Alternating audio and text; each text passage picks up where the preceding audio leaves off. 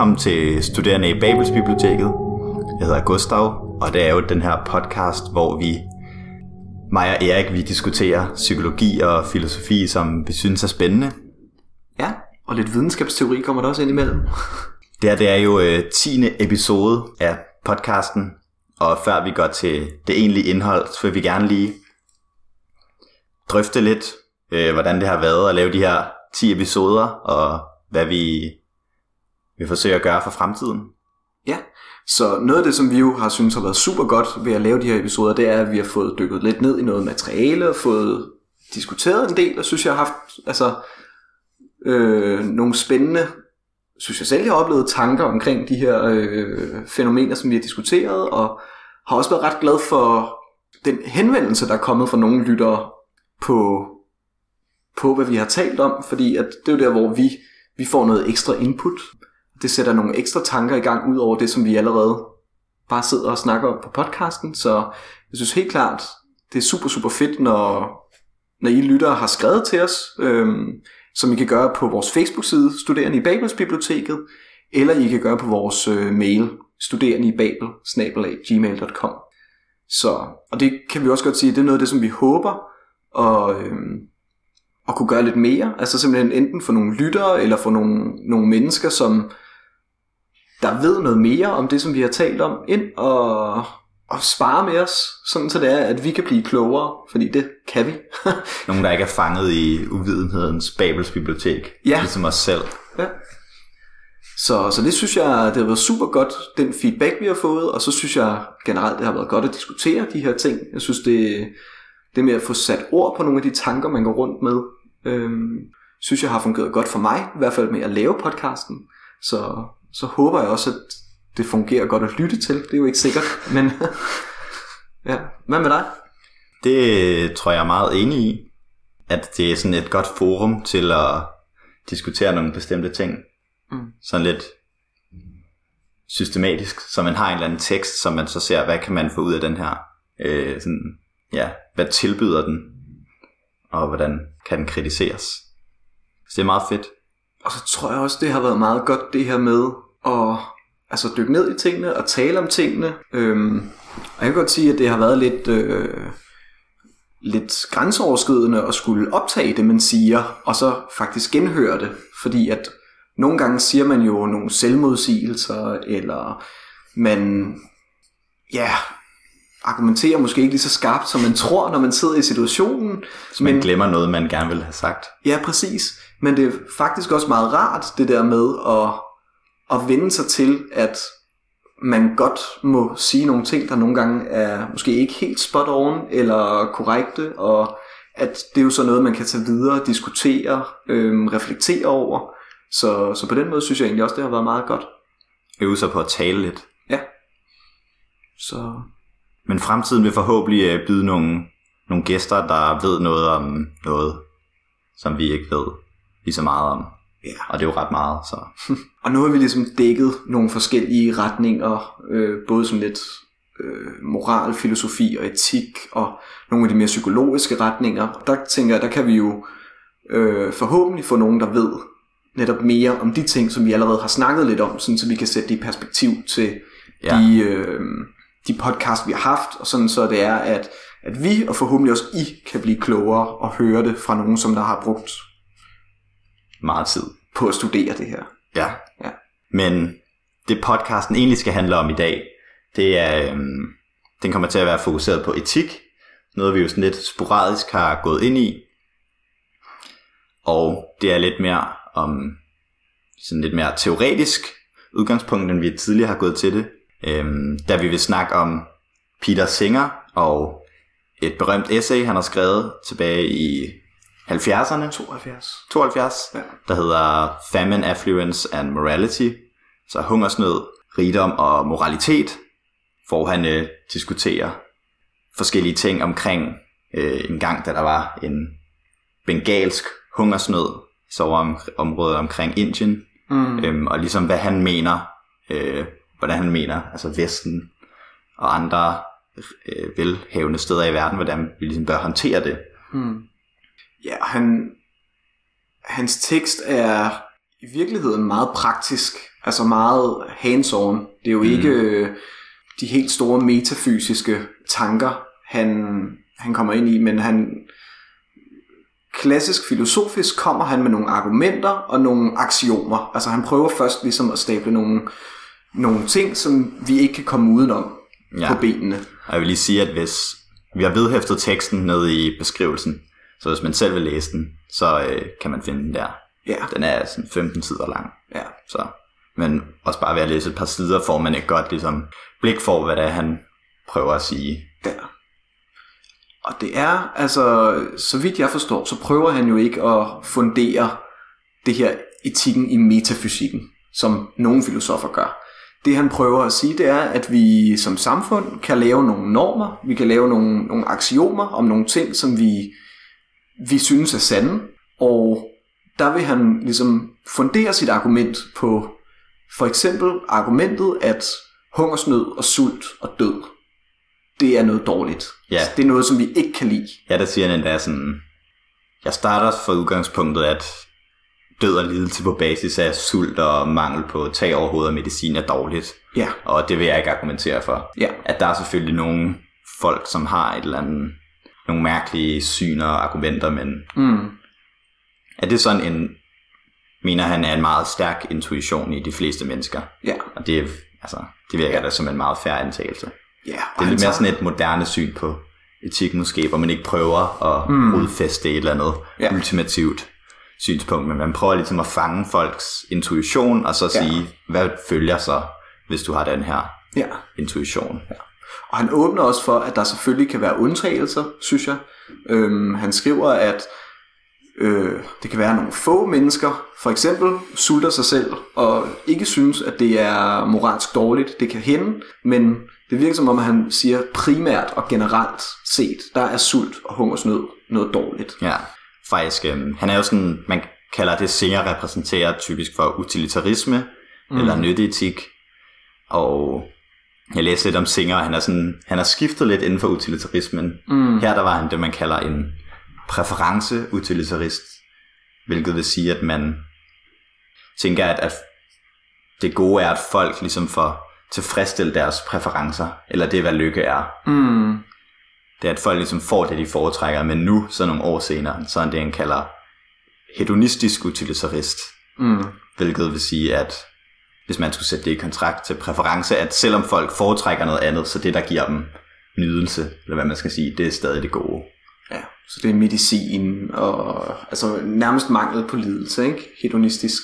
Øh, Ja, også selvom at det kan være selvom det, altså jeg vil tro, at typisk så er det de samme ting, de forudsiger, altså præference, mm. utilitarisme og hedonistisk utilitarisme, eftersom alle jo næsten foretrækker at få mad ja, og så videre. ja. Men ja, det er, ikke, det er egentlig er ikke så betydningsfuldt for nuancer. øh, Nej, i nej. det her essay. Nej. Og det er, at han prøver at tale til... Altså fordi det, det som jeg ser, han gør, det er, at han prøver at sige helt og holde, der er nogle ting, vi bliver nødt til at være enige om. Altså, øh, så det er de der aksiomer, han ligesom stiller på benene omkring, jamen sult og hungersnød og død er dårligt, mangel på medicin. Hvad skal vi så gøre ved det? Altså, Ja. hvad etisk bør man gøre ved det her problem? Ja, og der har han, han starter ligesom med at prøve at rokke vores intuition med det her eksempel med dammen, Mm. som han bruger, som også er sådan et, sådan et klassisk eksempel, hvor at han siger, at man skal forestille sig, at man kommer gående i en park eller et eller andet sted, hvor der er en sø, og så ser man et barn, der er faldet i søen, og som ikke kan komme op igen. Og så tænker man lidt over, at hvis man går ned og redder det her barn, så får man måske beskidte sko, eller man ødelægger sit jakkesæt, eller whatever man har på. Men så siger han, at ingen vil jo tænke, at de årsager, det ligesom opvejer det, at man ikke har reddet et barn, Mm. og at man egentlig, man bør redde det her barn, selvom at man får beskidte fødder eller beskidte sko. Ja. Og så fører han det så videre ved at sige, at den afstand, der er mellem dig selv og det her barn, det har ikke nogen egentlig moralsk betydning. Mm. Så hvis det, at man redder barnet, det svarer til, at man giver penge til børn i Afrika eller sådan noget, som dør af altså, sygdomme, man let kan forhindre, ja. eller noget i den stil. Ja, vi kan tage, altså det han, det han bruger argumentet med barnet til os, er at sige, hvis du kan forhindre noget dårligt i at ske, og det ikke har lige så dårlige konsekvenser, altså at konsekvenserne af det du gør, ikke opvejer det positive du gør, så bør du gøre det. Så det er sådan en form for negativt ansvar nærmest. Ja, at der ligger simpelthen en, en etisk, øh, du bør gøre det her, hvis det ikke har lige så negative konsekvenser. Og det er jo så det, at han, som du siger, han taler ind i, at vi så ser oftest, at det giver meget god intuitiv mening for os, hvis vi taler om et barn, vi ser, eller en person øh, i vores nærhed, vi ser. Men lige så snart der kommer afstand på, virker det som om, at vi ikke er gode til at efterleve det her princip, mm. som der faktisk er på en eller anden måde intuitivt øh, i vores hverdag. Mm. Så hvorfor gør vi det, og hvad gør vi ved det? Og der argumenterer han jo for, at, at vi burde, når vi ser lidelse, han tager selv udgangspunkt i hungersnøden i, øh, i Indien, men han siger også, at det kunne være en hvilken som helst anden krise. Ja. Det er jo bare for at... Det bare aktuelt lige på det tidspunkt. På det tidspunkt, der bør vi hjælpe mennesker i nød, hvis det ikke har lige så græde konsekvenser for os selv. Ja. Så det er sådan hovedpointen i hans nyttefilosofi. Ja. Øhm, at det, det burde der ligge et burde. Ja. Også selvom at ja, man kan sige, man svigter, hvis man er passiv. Ja. Hvor nogen vil måske sige, man er kun, gør kun noget dårligt, hvis man aktivt handler negativt på en eller anden måde. Men også selvom man er passiv her og ikke hjælper de her folk i hungersnøden, så begår man et moralsk svigt. Hmm. Og altså der, hvor han bliver en lille smule teoretisk, jeg synes, der var meget spændende. Han taler om, at det her kommer lidt til at rokke ved den måde, som filosofien ser etik på. Fordi, sådan som jeg forstår det, at han taler om, at øhm, charity, altså det at, at give sådan velgørenhed. Ja, velgørenhed, at det bliver set som noget, noget positivt, men han kalder det, at det er blevet set som sådan et super, øh, skal vi se, superigatory. jeg, jeg prøvede at øve mig i at udtale det før øh, podcasten her. det siges, om det er supererogatory eller... Supererogatory, ja. Supererogatory. Ja. Og, og det vil sige, at det er noget, som der er positivt at gøre, men det er ikke, pos- eller det er ikke negativt ikke at gøre det. Altså, så det bliver set som en dyd på en eller anden måde. Og der vil han prøve at rokke ved den kategorisering, som etikken har lavet ved charity. Ja, eller som vi har i vores, altså i vores øh, ja. kultur. Ja. At, at vi ser det som noget, som man bliver rost for at gøre, og man får noget anerkendelse for at gøre, men det er ikke noget, der bliver set det er noget, negativt på. Til. Ja, præcis. Så der vil han prøve at rokke ved det og sige, at jamen det at lade stå til, det er faktisk noget negativt. Altså, ja. den skal også være negativt rettet. Det, så det er lige så dårligt ikke at gøre det, som, som det er godt at gøre det. Ja. På en måde. Ja. Øhm. Så i hvert sekund, at vi ikke donerer flere af vores penge til myggenet, mm. så begår vi et, et betydeligt moralsk svigt egentlig. Ja. Og det kan vi også sige, at det er jo, han, han kommer selv med, med to ligesom former for det, fordi han prøver også at, at sige, at den her måde at se tingene på, den kommer til at betyde radikale ændringer i vores liv. Ja. Altså, det, det er jo meget anderledes måde at leve livet på, hvis man lige pludselig skulle til at handle efter det her. Så han kommer med, med en hård version og en blød version af sit etiske argument. Og den ene er, at altså den hårde version er, hvis det du gør ikke har lige så stor konsekvens, altså negativ konsekvens, så bør du gøre det. Så det vil sige, hvis for eksempel, det, vi tager den her hungersnød øh, i Indien, at du ikke sulter eller andre kommer til at sulte og være døden nær, så bør du donere dine penge. Øh...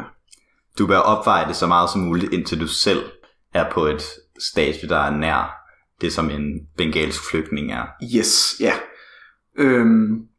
Så har du minimeret lidelsen så meget som muligt. Ja, fordi så, så ender man med at skulle, skulle give så meget, at man netop nærmer sig samme grænse, altså sådan en, øh, et udligningssystem på maksimal udligning af de her ressourcer.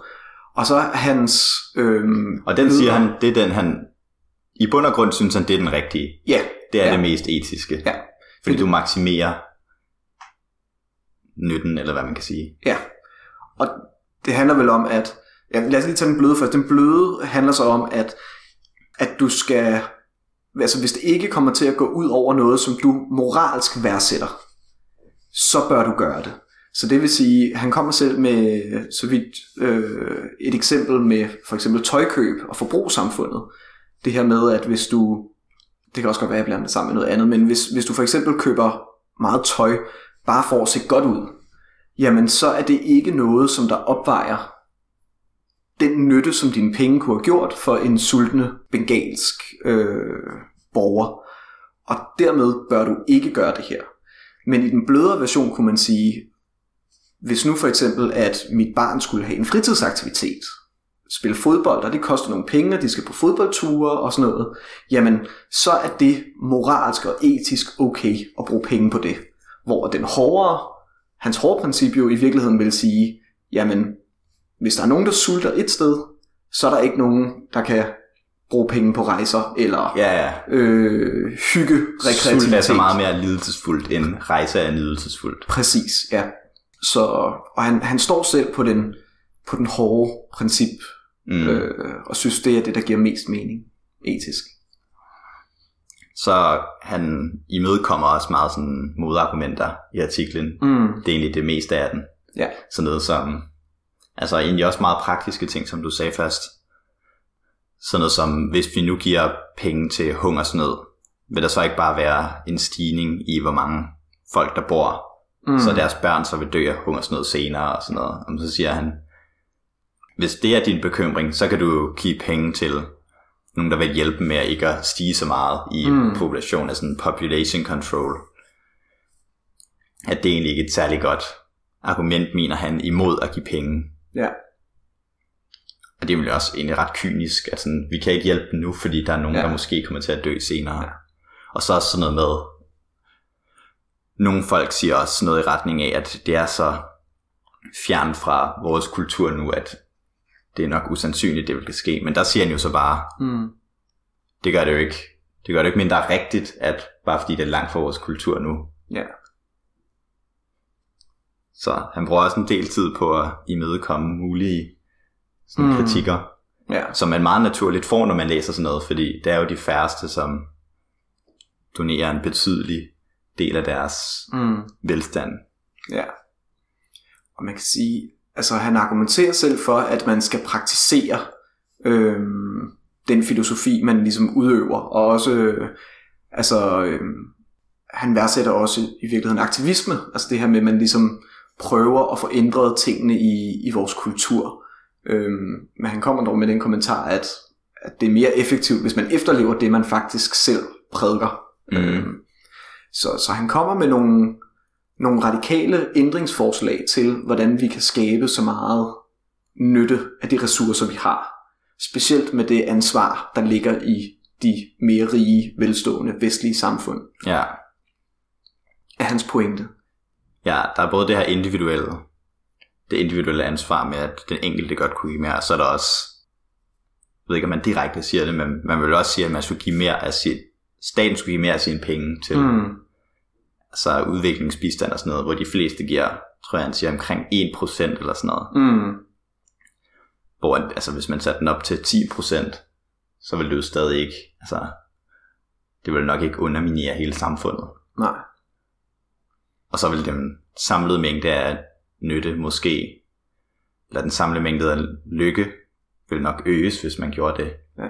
Og lidelse vil minimeres.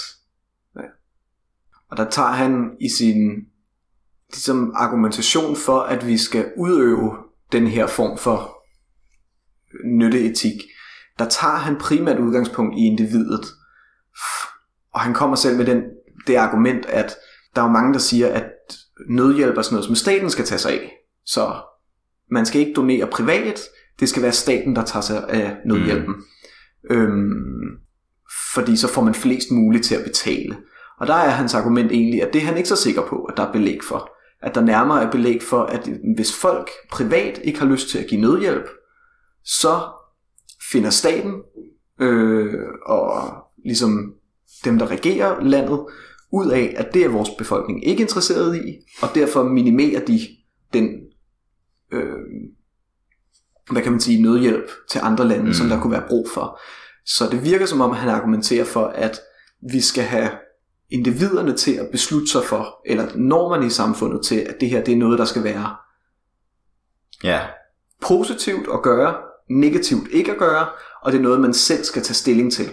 Det er noget, man skal, f- altså, ja, han prøver egentlig at vise ud fra vores, ud fra folks egne moralske intuitioner, hvordan Mm. de, hvordan de på en måde ikke er, man kan sige, logiske eller rationelle. mm, Altså hvis, hvis folk har de intuitioner, de har, så burde de give mere af flere af deres penge. mm, Men kulturen er så bare sådan, så det er ikke noget, som folk rigtig gør, eller man får ikke... Der er ikke nogen sociale omkostninger ved ikke at gøre det. mm, Så det er i virkeligheden lidt hans fjende, kan man sige, af sådan apati, eller ja, en form for ligegyldighed på grund af, der er meget afstand. mm, Men han taler jo for, at afstand ikke rigtig har nogen moralsk betydning. ikke på det filosofiske plan. Nej.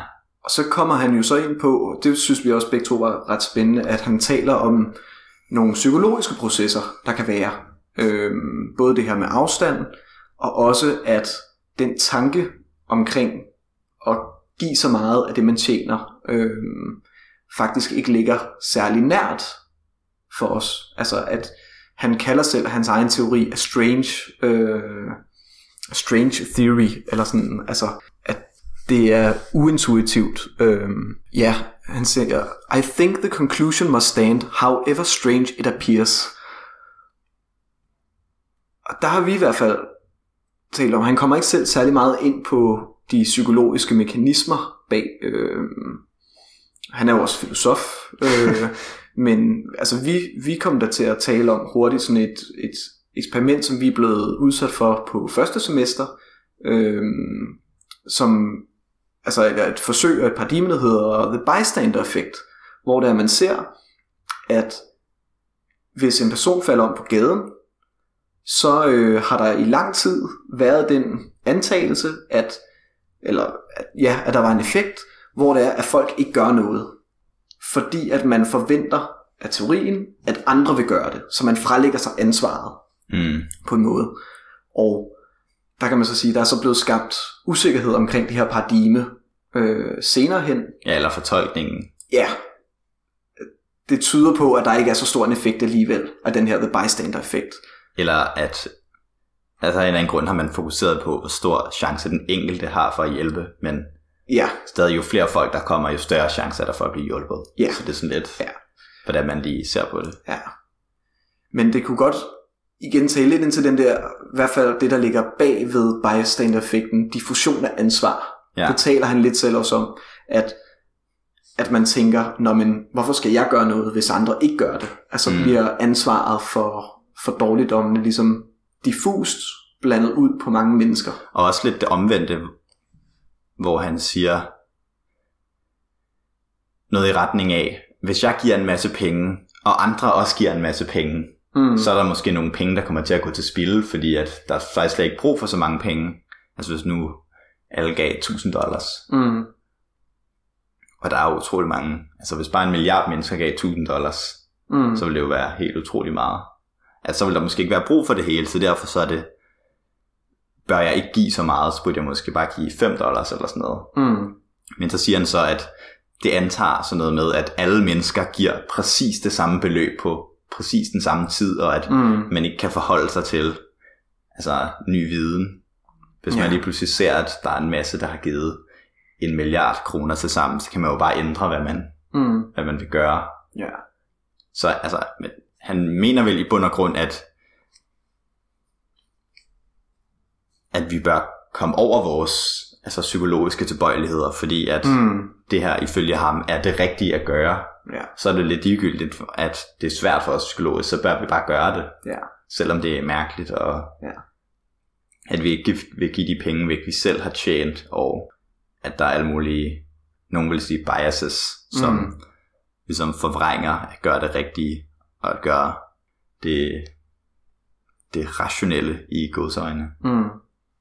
Og så kommer han jo også med nogle eksempler på, for eksempel øh, det fransk-engelske Concorde-projekt, hvor mange penge, der bliver kastet i, i hvad hedder det, udviklingen af et fly, der kan nå supersonisk hastighed, og at det kunne være nok til faktisk at udrede nogle af de store kriser, der er i verden. Så han prøver ligesom at, at sætte lidt perspektiv på, hvad er det egentlig, vores midler går til. Ja, og også, er det ikke også operahuset i Sydney, han skriver om? Jo, at sådan Australien, de er nogle af dem, der giver mest til den her øh, bengalske hungersnød. mm, Men alligevel, så er det meget mindre, end de brugte på at bygge operahuset i Sydney, ja, som nok, hvis man lavede den øh, lykkeberegning over det, så giver det nok meget mindre lykke mm, at lave operahuset, end at redde alle de her mennesker fra hungersnød. ja, Man kan sige en anden ting, som ligesom er en grundlæggende antagelse, både her og mere generelt i utilitarismen, det er det her med et stort fokus på upartiskhed.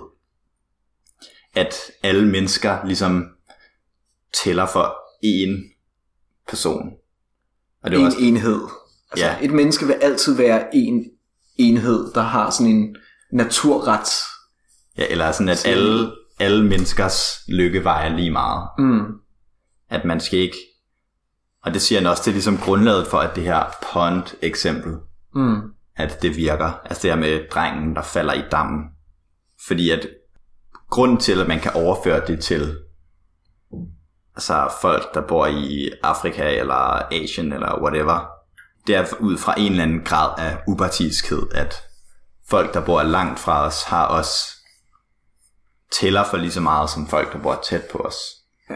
Man kunne sige, hvis en kejser gik ved søen, og det var hans tøj, der ville blive beskidt, så bare fordi han er kejser, har han ikke en speciel position, der gør, at hans lykke tæller mere end det barns lykke. Mm. Altså det kunne være et billede på at sige, uanset din stand, uanset din position eller øh, din ellers nytte til samfundet, der er alle helt grundlæggende lige.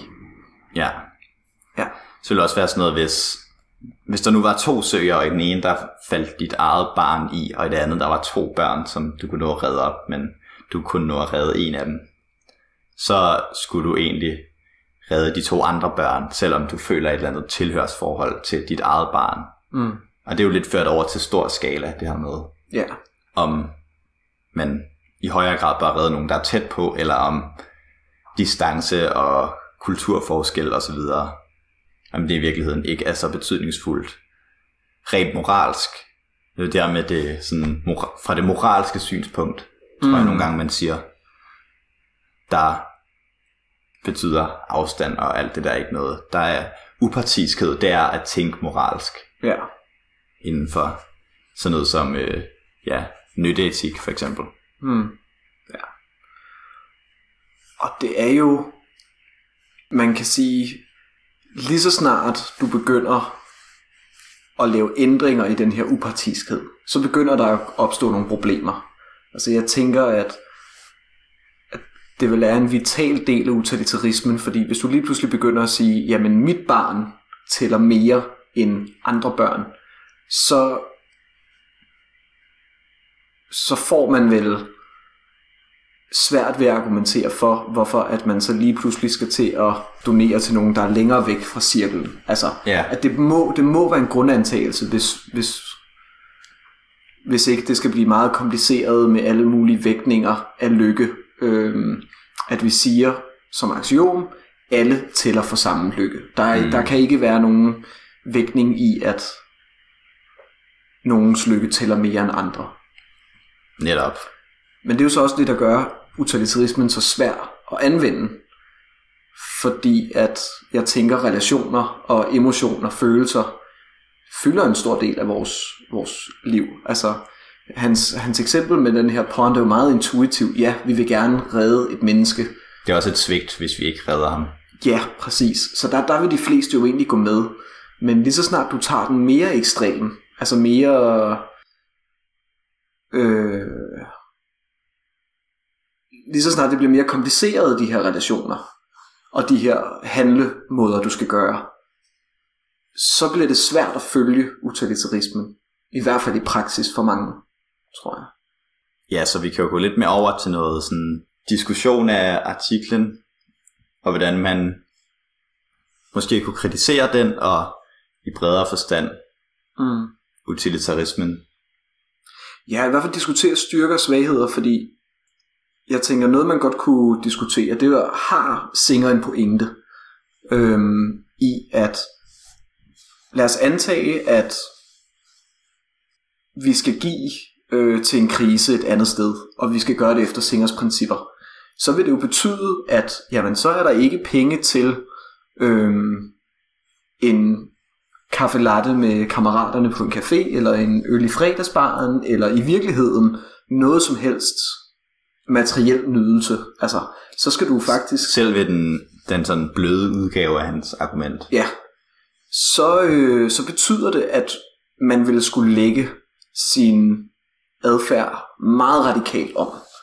Og jeg synes jo, at der er en pointe i det her med, så hans modsvar til det vil være, jamen er det så fair, er det moralsk rigtigt, at vi render rundt og nyder øl eller øh, hygge med kammeraterne til øh, øh, museer for den sags skyld, når der er nogen, der dør af sult andre steder. Så det, er jo, det vil være hans argument vil lyde på. Det er svært at argumentere rationelt imod det, synes jeg. Altså, jeg synes, det er svært at argumentere for på sådan en rationelt plan, at at man skulle gøre det, øh, altså ikke skulle efterleve det princip, hvis man tager hans tankeeksempler. Problemet bliver vel lige så snart du skal til at måle, hvad gør den største nytte. Altså, øhm, i og med at man kan sige, jamen hvorfor skal du vælge en krise over for en anden, og en anden ting, som altså praktiske omstændigheder kan jo også være, om, om de penge, du faktisk donerer, går til det, som de bliver, øh, hvad hedder det, doneret til. Altså, og, Der vil han jo nok så sige, især i dag, mm, at der har man så mange organisationer og folk, der arbejder med det her, som alene er til for i deres arbejdsliv at sikre, at pengene går til de rigtige steder. mm, Og han har også været meget involveret i det, man kalder effektiv altruisme, mm, som ligesom går ud på, hvordan man kan nå max, maksimal forøgelse i livskvalitet eller lykke for, for så lidt penge som muligt. mm, Så det er selvfølgelig, det er selvfølgelig altid en fare, at pengene bliver spildt. Men det vil nok alt andet lige være bedre, hvis man giver, end hvis mm. Man ikke gør ud fra ja, Singers tankegang alligevel. Og man kan sige, man behøver jo nok ikke engang gå hele vejen ned ad den utilitaristiske sti, hvis man bare, altså, hvis man bare går med på, lidelse og død mm, er dårligt, og vi kan afhjælpe lidelse og død ved at bare give lidt mere, end man mm, giver på nuværende tidspunkt. ja. Ja, helt sikkert, fordi det tror jeg, at der hvor at Det de er også, man- fleste ikke kan gå med, det er den ekstreme form. Ja, Men en oplysning om, at jamen, altså det er jo et af hans argumenter, at folk oftest vender det blinde øje til. Altså og vender opmærksomheden væk fra, hvad der sker, og lever i uvidenhed omkring det. Lykkelig uvidenhed. Hvor at man måske godt kunne argumentere for, at man skal være bedre til at oplyse folk omkring nogle af de kriser, og også muligheder for at, at støtte, og faktisk måske vise, at, at det hjælper, at det giver en effekt. Ja. Øhm, altså lidt sådan paradoxalt nok, så har man jo også nogle af de her store indsamlinger mm, sådan i Danmark og sådan noget, hvor at får nogle kendte ansigter ind og sådan får folk til at donere en hel masse penge, mm, selvom det er måske ikke engang den mest effektive måde at gøre det på. ja. Altså at de kæmpe tv-indsamlinger ikke skaber så meget lykke, som de kunne, hvis de måske gik til nogle andre, bedre formål. Mm, Men man falder måske også lidt i det her, nemt ind i sådan noget lidt alt eller intet tænkning, ja. Altså fordi, igen, bare hvis man følger ham noget af vejen, så er det, man vil nok sige, det er bedre at give 50 kroner om måneden end 0. Altså, Mm. Ja. Jeg tror der, hvor at nogle gange også, at utilitarismen kan blive kritiseret, er vel også den her upartiskhed faktisk. At den simpelthen bliver for kynisk. Fordi det er... Altså et eksempel er jo oftest det der trolley-eksperiment, der bliver brugt, hvor at du aktivt kan ændre sporet. Øh, en trolley, et togvogn kommer kørende og er på vej mod fem personer, og du kan aktivt ændre retningen til at køre en anden person over. Og så vil en hardcore utilitarist jo sige, at jamen selvfølgelig skulle man køre en person over i stedet for fem personer, fordi alle tæller lige meget. og det, det er lige så dårligt ikke at gøre noget, som Ja. at gøre noget. Det er ikke betydningsfuldt, om det er en aktiv eller et passivt valg. Ja, ja.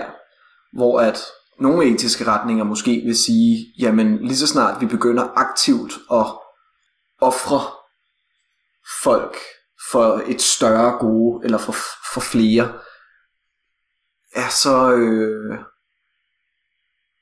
Altså, hvor kommer det- der lige pludselig et skridt i vores... ja, hvor det er handlingen, der er fokus på. Det er jo sådan noget pligtetik Ja. med kant og så Ja. videre, hvor Ja.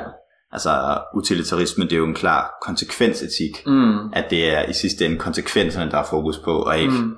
den enkeltes handlinger eller intentioner det er vel det, at det kan være ret svært at udregne konsekvensen af ens handlinger også. Altså nu for eksempel sådan så støtte til, øh, til hungersnød er jo et eksempel, hvor det er, at der kan man forhåbentlig, altså der er det ikke så, så svært at se, hvad pengene bliver brugt til.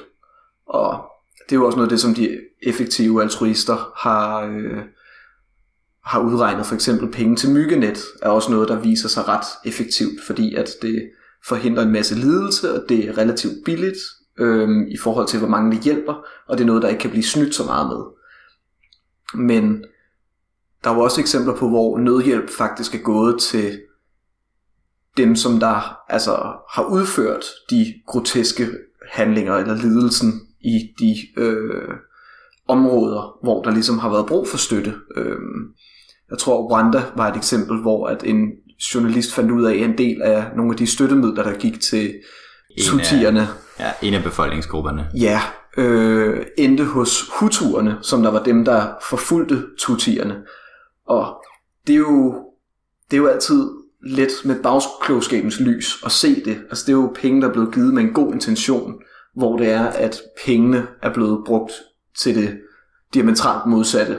Men jeg synes, det understreger, at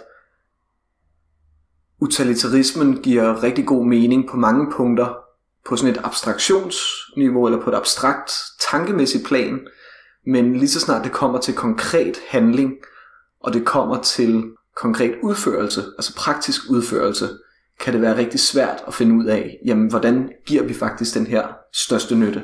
Der kommer også den her sådan informationseksplosion Mm. lige pludselig, når man altså når alle handlinger er aktive og passive på tværs af al tid i virkeligheden har moralsk betydning. Altså alt hvad du gør Mm. kommer til enten at forøge lidelse eller sænke lidelse. Mm. Og der er, der er så meget, der skal regnes ud. Du har også tidligere nævnt det her fra mig med, sådan med Bill Gates, hvor hvis han, han havde nok nogle penge, da han var 20 eller 30 eller whatever.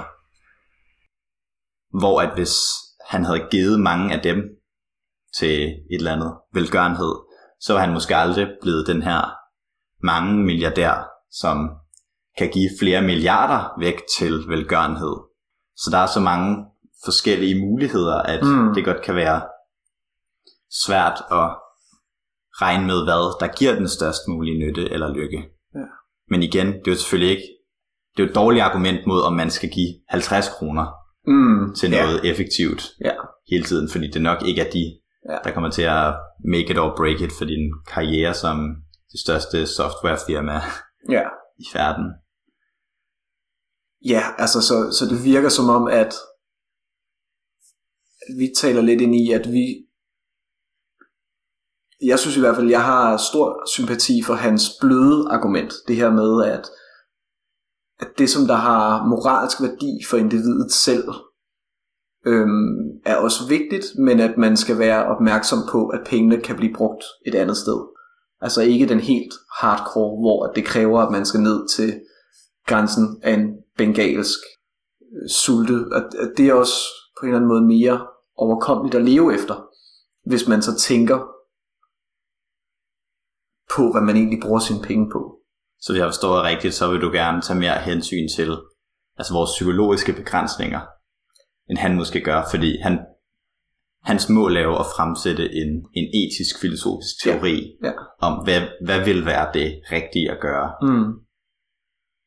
Hvor selvom han taler lidt om noget af det psykologiske, så er det måske en psykologisk og kulturel urealistisk idé. Mm. Og det er jo selvfølgelig også, han siger jo, at det er den her hårde, den hårde udgave, som han støtter. Men han, altså, han fremsætter jo alligevel en mere moderat udgave. Mm. Hvorfor skulle han gøre det, hvis der ikke var nogen som helst værdi af at fremsætte den? Det er vel fordi, han mener, at det kan få flere til måske at ændre deres adfærd. Ja. Og det er altid det med, at altså, det er jo ikke kategorisk, det her. Det Nej. er jo sådan, den moderate udgave er jo for Singer også meget bedre end Ja. ingenting. Ja.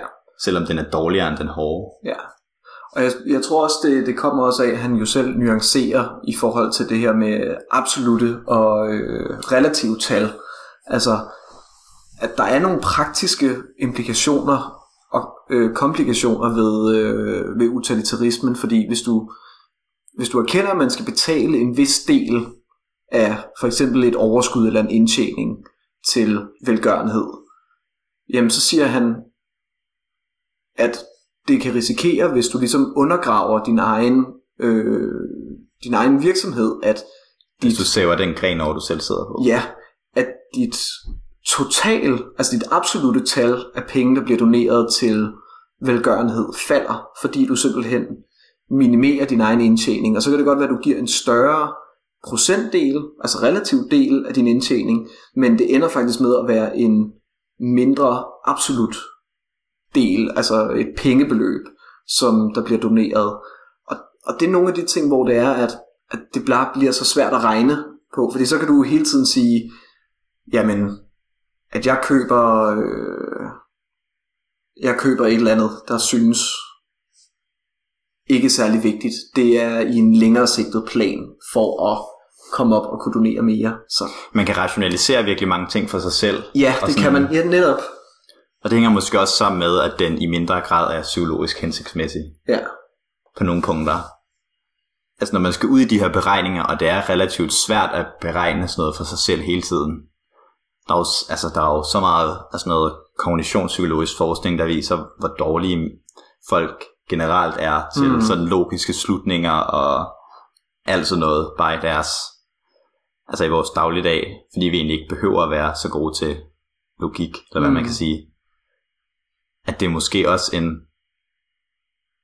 en for stor byrde at gå ned ad den her vej. Altså vil man hele tiden, hver, hver enkelt handling du tager, den er moralsk eller umoralsk. Fordi at alt enten kan øge eller sænke lykken. mm. Det er virkelig ret svært. Altså ja, det er det. Også fordi, at det, det har jo de konsekvenser, at alt det, du for eksempel bruger penge på, bare du bruger penge på et Jeg har for æble, lige købt en ny mus til min computer. Men der er ting, hvis du køber et æble i, i supermarkedet, jamen, altså, der kunne man jo godt have levet af havregryn, øh, eller et eller andet andet, altså måske lidt mere varieret, men prøv at overveje, hvor meget man kunne skære af af sit månedlige madforbrug, og donere til folk, der reelt sulter, eller har andre problemer. Altså, og så, får, så er der lige pludselig et meget, meget stort pres på, på individet, som jeg tror for de fleste vil være svært at leve efter. Og det kan man sige, er man idealist, kan man vel sige, jamen tanken er rigtig, man burde gøre sådan. Men det er vel ikke særlig praktisk at lave så, så hårde, øhm, Altså hvis målet med en etisk teori er, at folk lever efter den, ja, Til en vis grad. Det er det vel, fordi hvis, hvis den bare er tanker, og Ja. man ikke, øh, den så ikke tager, man, til Will- handling, så tager man William James ind igen og siger, det er absurd at sige, at en etisk teori er korrekt, hvis den ikke kan ændre altså noget til det bedre. mm, ja. Så dermed så burde man nok have en etisk teori, som på en eller anden måde samarbejdede med folks psykologi, Mm. Eller hvad? Hvad synes du? Jamen, jeg synes, det er... Jeg, jeg, jeg synes, at den teorien, når man tager den på abstrakt plan, synes jeg giver god mening på mange punkter. Altså ud fra, hvad der er intuitivt. Det her med, at at den nydelse, som vi har ved for eksempel at købe tredje sæt tøj øh, på et år, eller sådan noget den stil, øh, eller bare andet sæt, altså det der med hele tiden at skulle have en ny telefon, eller nyt tøj, eller sådan noget den stil. At der synes jeg, der er nogle pointer i, at, at man måske skal, skal tænke på, hvad de penge kunne blive brugt til. Men jeg tror også, at det har mange konsekvenser, som der ikke bliver talt med i ligesom det regnestykke, som Peter Singer sætter op, for eksempel med, hvad så med dem, som der arbejder inden for de her forskellige industrier. Nogle af de penge, som vi laver i vores samfund, bliver jo også brugt til, at folk kan have en god alderdom. Øh, det er noget, vi værdsætter i vores samfund, det er, at der er penge til de syge, penge til de aldrende. Der bliver man jo bare stiget i øjnene af hans... Altså, men der er nogen, der sulter, der er nogen, der dør. Ja, og det er jo så upartiskheden, om man Ja. vil gå med på den og sige, jamen, at vi har nogen, der ikke har det godt på plejehjem i Danmark, for eksempel. Mm. Det er ikke værre end nogen, der sulter eller dør andre steder, og derfor skal vi hjælpe ja. der. Ja, altså hvis man ligesom tager den der informationsmængde kritik, så gør man jo lidt med på det etiske grundlag, og så siger man, okay, men de praktiske omstændigheder er sådan, at i en række tilfælde, så er utilitarismen ikke hensigtsmæssig. Mm. Man kan jo så kritisere teorien dybere, mere grundlæggende ved at kritisere princippet om upartiskhed. Mm. For eksempel, jeg vil da nok tro, at de fleste ikke vil ofre deres familie for... Hvis man nu havde en familie på fire personer, så vil de nok ikke ofre deres familie for seks tilfældige personer. Mm. Fordi at alle tæller for en. Altså, eller ja, også med politik, som du siger. At langt de fleste steder, eller normen er det, at folk, folk først og fremmest tager sig af deres egne.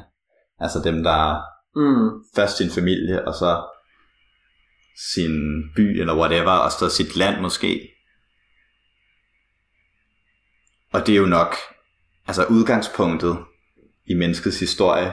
Altså, vi er da kun begyndt mere at tage os af hinanden, som Mm. tiden går. Altså, og Ja. så de fleste lande er landet på 1% af bruttonationalproduktet eller sådan noget til udviklingsbistand. Og så, så vil Singer jo nok sige, altså bare fordi det er sådan, så betyder det ikke, at, at mine etiske principper er forkerte. Men igen, så kunne man nok godt sige, at hvis en etisk teori er så urealistisk, at, den, at det er nærmest er svært at forestille sig, at den blev implementeret, og måske det så ikke en så hensigtsmæssig teori. Altså, teknisk set gør han jo det, at han tager emotioner fuldstændig ud. Altså, han sletter fuldstændig emotioners betydning for mennesker. Fordi han siger, at det er mere rationelt, at vi skulle redde to, der ikke er i vores familie, end en, der er i vores familie. Mm. Det er jo fordi, vi har et tilknytningsforhold. Vi har øh, nogle emotioner, der betyder noget for os. Og mange vil jo sige, at jamen, emotionerne er en stor del af, hvad der giver os lykke, og hvad der giver os nydelse, og hvad der giver os øh, værdi i livet. Og det er jo i virkeligheden det, han prøver at skære væk og sige, emotioner har ikke så stor betydning. Det er, mm, ja, han fokuserer, det bliver sådan en hardcore materialisme, at der bliver fokus på, på mad, medicin. Øh, Altså, det kommer an på, hvad man, hvad man, også hvad man tænker, at moral er. For der er jo også, altså der er andre etiske retninger, som ikke har det her fuldstændig upartiskhedsprincip. Der er fx eksempel noget, der hedder omsorgsetik, hvor man fokuserer på, at etik og moral netop er relateret til ens sociale relationer, altså mm. ens familie og venskab og sådan noget. Og hvis man tager det væk, mm, så er der ikke nogen etik tilbage. Og også sådan noget som Aristoteles dydsetik, mm, altså hvordan man er en god person, så er fokuserer Aristoteles, så vidt jeg husker, også på sådan noget som venskab og vigtigheden af ligesom at have, opbygge nogle gode sociale relationer, som ligesom kan korrigere en på Mm. ens moralske vej og så videre. Så for at alt det her ligesom tæller, så afhænger det også af, at man synes, at det moralske synspunkt er sådan en form fra view from nowhere. Altså, mm. det ikke er fra sådan en bestemt persons perspektiv, men det er ligesom, hvad, jeg tror, der er nogen, der siger, sådan, hvad universet ser, mm, altså overalt på samme tid, og det ikke er relateret til den enkeltes oplevelse og den enkeltes sociale relationer. mm, Fordi den, altså, det her med at donere, det er jo sådan noget, som det giver god intuitiv mening for de fleste. Men sådan noget med at ofre deres familie, og at alle folk i virkeligheden har samme ret mm, til at blive hjulpet af staten og sådan noget. Det rammer jo ikke så godt ind i folks intuitiv forståelse af rigtigt og forkert. mm, Hvis man, altså, hvis man skal gå, gå med på hele den tanke om, at man ikke laver etik ud fra et eller andet metafysisk princip, men man Ja, ligesom tager nogle ja. af vores grundlæggende intuitioner. ja, og bygger dem på. Og det er jo det, han prøver at Mm. gøre. En anden kritik, jeg har hørt, det er sådan en øhm, fra Robert Nozick. Mm. Han er sådan en libertarian fyr, men han har også han har lavet sådan en tankeeksperiment, der hedder oplevelsesmaskinen, som går ud på, at man får et tilbud om at komme ind i en, en maskine, hvor man kan opleve lige, hvad man vil. Man kan selv ligesom vælge, hvad man vil opleve, sådan, og hvor lang tid man skal være i den her maskine, så altså man kan være der i 10 minutter i den virkelige tid, men man kan gennemgå et helt liv inde i oplevelsesmaskinen, hvor man kan vælge 100% hvad man vil. Mm. Og så siger Nozick ligesom, at mange mennesker vil, har ikke den intuition, at det her er noget, de gerne vil. De vil ikke bare være i den her maskine gennem i altså hele deres liv. Selvom at man kan designe maskinen, sådan, så når man er i den, så ved man ikke, man er i den. Man kan putte præcis så mange udfordringer ind i den, som man vil. Altså nogen vil måske sige, at og vi vil ikke bare være i sådan en passiv nydelse, vi vil ikke bare ligge mm. På stranden hele dagen og drikke drinks, men man kan også putte udfordringer ind i den, så, mm. Så her der skal jeg prøve det her, og så er jeg lige ved at nå det, og så bliver jeg lige udfordret, men så klarer jeg det alligevel, Mm. at det vil være fedest, altså sådan en form for eventyr. Men så siger han det så, at det, at mange folk ikke har den intuition om, at det er det her, de gerne vil, det betyder, at der må være noget andet. Vi må have nogle andre værdier end blot lykke, eller blot vores, ligesom værdien af vores oplevelse. Mm. Som for eksempel sandheden, eller frihed. Mm. Og han er jo også, ja, libertarian, så jeg, man kunne godt tænke, at han vil prøve at retfærdiggøre, hvorfor at man ikke Mm. skulle bare have det utilitaristiske samfund, men at det også er værdifuldt at have et, et, et samfund med en meget høj grad af frihed. Ja.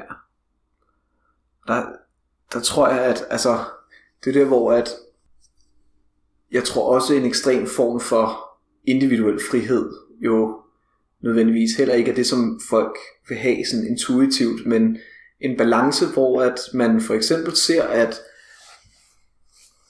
altså et utilitaristisk, at det man kan gøre, at det man gør har en effekt rundt omkring i verden, at man kan hjælpe, og at man kan skabe fremgang og, og nydelse for folk, fordi det jeg tænker i Singers eksempel, at det jo ikke bare øh, nydelse, som det er, han, han giver de her mennesker, det er jo simpelthen overlevelse. Altså det er vigtigt, fordi de her mennesker, de dør, hvis ikke at der bliver gjort noget. Så styrken er måske, at man prøver at tænke mindre egoistisk. Altså, øh, han fordrer en, en mindre egoistisk tankegang og værdsætter andre mennesker som individer, der ligesom har en, en, øh, en ret i sig selv. Men det bliver så kompliceret af de her psykologiske mekanismer, som emotioner og tilknytningsforhold og selvbedrag. Øhm, ja. Viljestyrke. Og så igen, altså det hovedpro- altså et af de store problemer er også det her med netop informationsoverloadet, altså eller at skulle udregne, hvad er det mest effektive at gøre. Og det ved jeg, det er jo en kritik, der er kommet af de her effektive altruister, som der prøver at lave regnemodeller for, hvad er det mest effektive, vi kan gøre. Hvad er det, hvor er det, vi kan skabe størst lykke for mindst penge og hjælpe flest mennesker som overhovedet muligt. Jamen, det er, at, at det vi så kommer til at give penge til, det er det, der oftest er let at måle af af kritikken. Så det vil sige, det er let at måle nogle parametre. Øh, Det er ligesom i psykologisk forskning, ja, hvor man sådan man laver sine konstrukter ud fra, hvad vi overhovedet kan måle. ja, Og så det, man kan lave spørgeskemaer om. Mens det, man ikke kan lave spørgeskemaer om, det glemmer man jo sådan lidt. Ja, og, og det er jo selvfølgelig øh, heller ikke et argument for ikke at lave effektiv altruisme. Jeg synes, der er nogle gode pointer i, at man for eksempel øh, prøver at give, give noget støtte til folk, eller til steder, hvor det faktisk gør en forskel, i stedet for, der har der været nogle sager, hvor pengene enten ikke bliver, bliver brugt særlig, øh, særlig godt, eller hvor det er, at, at man kan sige, hvis man kigger på det udefra, set fra sådan et et fugleperspektiv, så kunne pengene måske blive brugt til noget bedre. Altså det, det synes jeg er meget god tankegang, men der er bare de problemer med, at man måske så kun kommer til at donere til ting, man kan måle.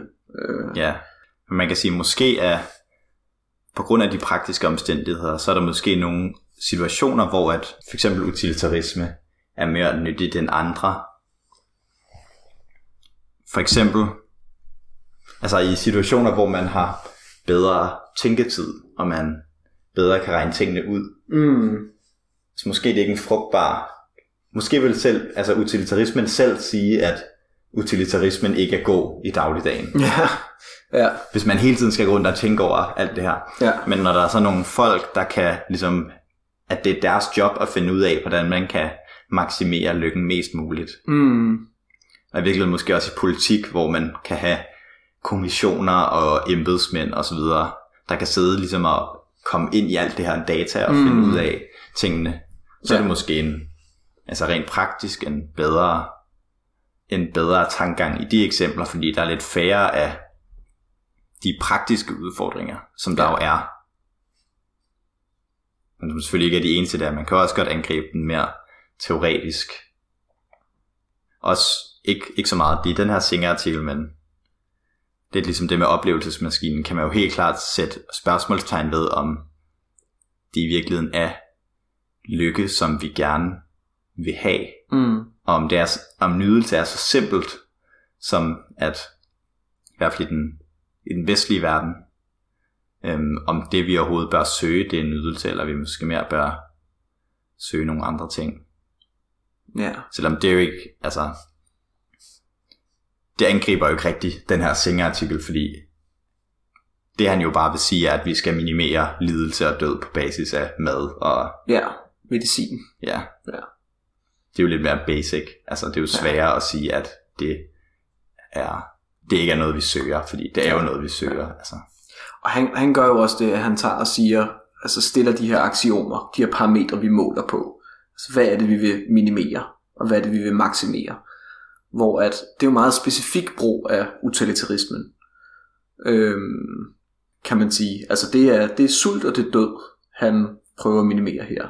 Hvor jeg tænker, det bliver mere kompliceret, når du for eksempel tager og hvem skal man stemme på til Folketinget? Ja, præcis. Politisk øh, kan det blive meget mere kompliceret, ikke? kommer man Og- også ind i alt muligt dumt sådan noget, sådan, hvis jeg stemmer på dem her, hvilke effekter vil det så have på andre folk, sådan, hvad de vil stemme på til næste valg, Ja, og sådan alle mulige små kalkyler, som Ja. bliver helt... set alle store beslutninger. og når man kommer i alle de her komplicerede tanker, Ja. så er der jo hele tiden mere og mere mulighed for selvbedrag og for Ja. rationalisering af ens skjulte motivationer Ja, og ja. alt sådan noget. Ja. Så det er... Ja, Så noget af det andet, han er gået meget ind i i Singer, det er jo sådan noget som dyrevelfærd. Der er han også meget berømt. Han har skrevet sådan en bog, der hedder Animal Liberation, hvor han... Jeg har ikke læst, men nogle artikler ham og interviews og sådan noget, så argumenterer han for, at det vi gør med factory farming og alt sådan noget, at det i virkeligheden er utrolig uetisk, og at hvis vi stoppede med det, så ville vi virkelig minimere lidelsen mm. i forhold til, hvis man bare, hvis man spiser flere grøntsager. ja, Altså, det er en etisk katastrofe, alt det, der sker med dyr, med hvordan deres forhold er så dårlige. ja. Så han tager det videre og siger, at det er ikke kun menneskenes oplevelse af lidelse og Ja, død og smerte, der har betydning. det er alt, der har en Det er- oplevelse. Ja, ja. Og det er, jo, det er jo lidt sjovt, altså der er områder, hvor han er sådan meget progressiv på en måde, men der er også områder, hvor at, altså folk sådan siger, at han ikke skal tale, og sådan protesterer mod ham og sådan noget. Hmm. For eksempel i forbindelse med så handicappede babyer, hvor han siger, at der er en st- stor risiko for, at de ikke får et så godt liv som en normal person, eller normal, øh, som en ikke handicappet person ville have fået. Så siger han, at det er egentlig etisk forsvarligt at slå sådan nogen ihjel ved fødslen. Hmm. Så det er en af, mere, af hans mere sådan kontroversielle synspunkter. Ja. Hvor altså, man kan i hvert fald ikke sige, at han ikke er principfast, Nej. fordi det er ikke sådan, han bøjer sig for mængden, ja. når, hans, når hans teori, eller han, når hans tanker om rigtigt og forkert leder ham til nogle ting, som alle ikke vil acceptere. Ja, Han, han øh, hvad siger man, he bites the bullet, ja. som man siger. Men, og det, er- det er noget, der er meget typisk, synes jeg, for utilitarismen, at der bliver, altså, der, bliver, der kommer mange sådan nogle slippery slope argumenter. Sådan noget med, hvis du tillader det, så må du også nødvendigvis tillade det her på længere sigt. Altså, øhm, og normalt bliver det jo set som sådan fejlargument inden for filosofien, fordi så går man ikke efter præmisserne rigtigt, øh, så går man efter tænkte eksempler, men, men der er der, altså, hvis man netop skal være konsistent, så kommer man jo ud på nogle, måske vil nogen sige farlige afveje, altså øh, også i forhold til, når man ligesom vil overskride individets grænser for, det, for alles bedste. Så det kan sige, jamen, det vil skabe mindre lidelse i samfundet, hvis vi tager alle dem, vi øh, forventer kommer til at begå kriminalitet. Dem lokker vi bare op med det samme Ja, og sætter i fængsel, fordi så kommer de ikke til at, at give kriminalitet. Og det kan godt være, at det er nogle få, vi rammer, men den lidelse, vi minimerer, den er større. Og så kan man jo prøve at retfærdiggøre det på alle mulige mærkelige måder. og Ja. sådan noget. Vi bør ikke gøre det alligevel, fordi så er der så vil alle lige pludselig tvivle på, om, ja, om det er dem næste gang og sådan noget. Men Ja. det viser jo, at der er noget inde i os, som, som også sætter pris på noget andet end Ja. ren nytte, Ja. ren lykke. ja, Som for eksempel ukrænkelige frihedsrettigheder. ja. Som der jo ellers, altså, som utilitarisme jo ellers tager udgangspunkt i, men det, det kommer bare på stor skala, bliver det svært, øhm, eller det bliver svært lige så snart individet skal overskrides, ikke? Det er jo det, at når det så er på bekostning af noget, Ja, det, der er ikke nogen argumenter imod at hjælpe et barn, der er ved at drukne i en pøl, men hvis det er, eller i en pool, men hvis det er på bekostning af nogle andre, så begynder det at blive kompliceret, Ja. ikke? hvis man skal skyde en person for Ja. hente. Ja. Ja, Så øhm, respekt til Singer for at være principfast og ikke prøve at slange sig udenom. Og også acceptere, når hans filosofi kommer i retning af, der er svære at argumentere for. ja, Han har ryggrad. ja.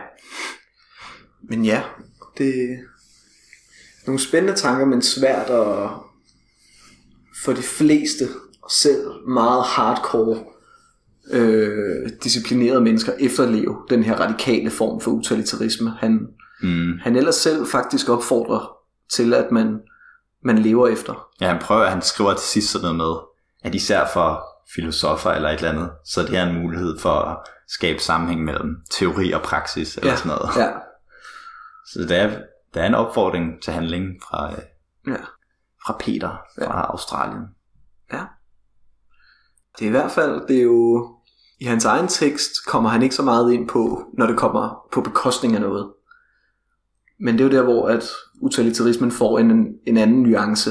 Det er, når det kommer til at være på bekostning. Når du skal træffe, træffe beslutninger på bekostning af andre. Mm. Øhm, Det, er, det er jo nok ikke egentlig så etisk kon- altså kontroversielt, at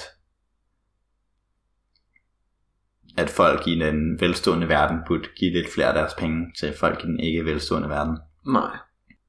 Så Ja. Det ved, det ved ikke, man vil sige med, men ja. det er måske mere, ja, det er mere den, hvad han kalder den, den stærke påstand, han har, Mm, er måske den kamel, der er sværest at sluge for ja. folk. At man selv skulle nærme sig den der grænse for marginal nytte, tror Mm. jeg, han kalder det. Altså, at vi får udlignet lidelse så meget som muligt. Øhm, Skal vi så øh, lukke den her? Ja, lad os, øh, lad os det. Har du nogen øh, popkulturel øh, anbefaling til, til at lukke på? Eller kommer du til at gå hjem og... Deadline. Deadline. Det er fedt. Det er fedt. Der kan man kan også finde et afsnit med Peter Singer. Ja, nice. Det var meget popkulturelt. Det kan være, at vi må stoppe med det fremover. ja, Vi, altså, vi har udtømt vores vi har udtømt personlighed. vores... Ja. vi, vi laver ikke mere pop nu. Nu er det bare... Du er ren nørderi. Der spoke Zarathustra af Nietzsche. er jo sådan en lille øh, mandagslæsning. Ja. Perfs et al. Pølse alt. Ja, oh ja. Det er godt. Tak for den her gang, og håber I nød det. Og igen, vi håber at få nogle gæster på et tidspunkt, der kan korrekte os, når vi siger nogle tåbelige ting. Men Mm. øh, God dag.